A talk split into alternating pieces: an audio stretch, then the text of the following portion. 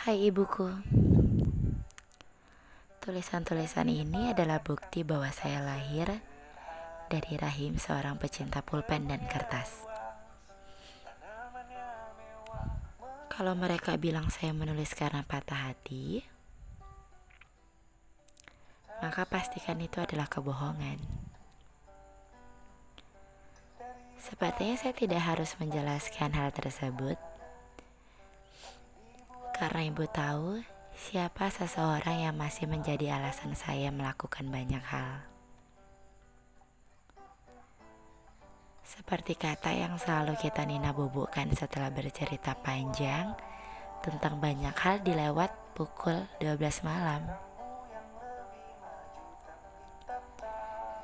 Saya abadikan dalam energi untuk hidup yang tidak kenal menyerah pada medan juang.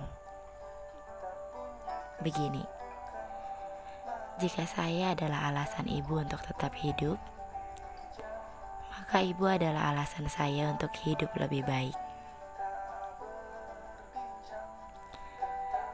Saya paham banyak hal, Bu, tentang pola pendewasaan yang selalu saja gagal sampai pada titiknya. Saya yang kadang masih takut melangkah, padahal tahu dewasa adalah tentang keberanian.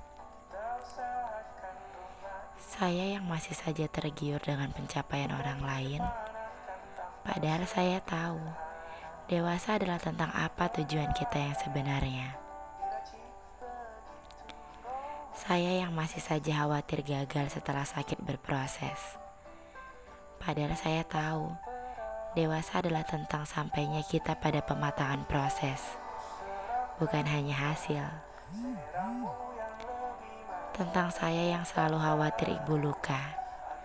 Padahal saya tahu, dewasa adalah menjamin sedih ibu yang pastinya bukan karena saya.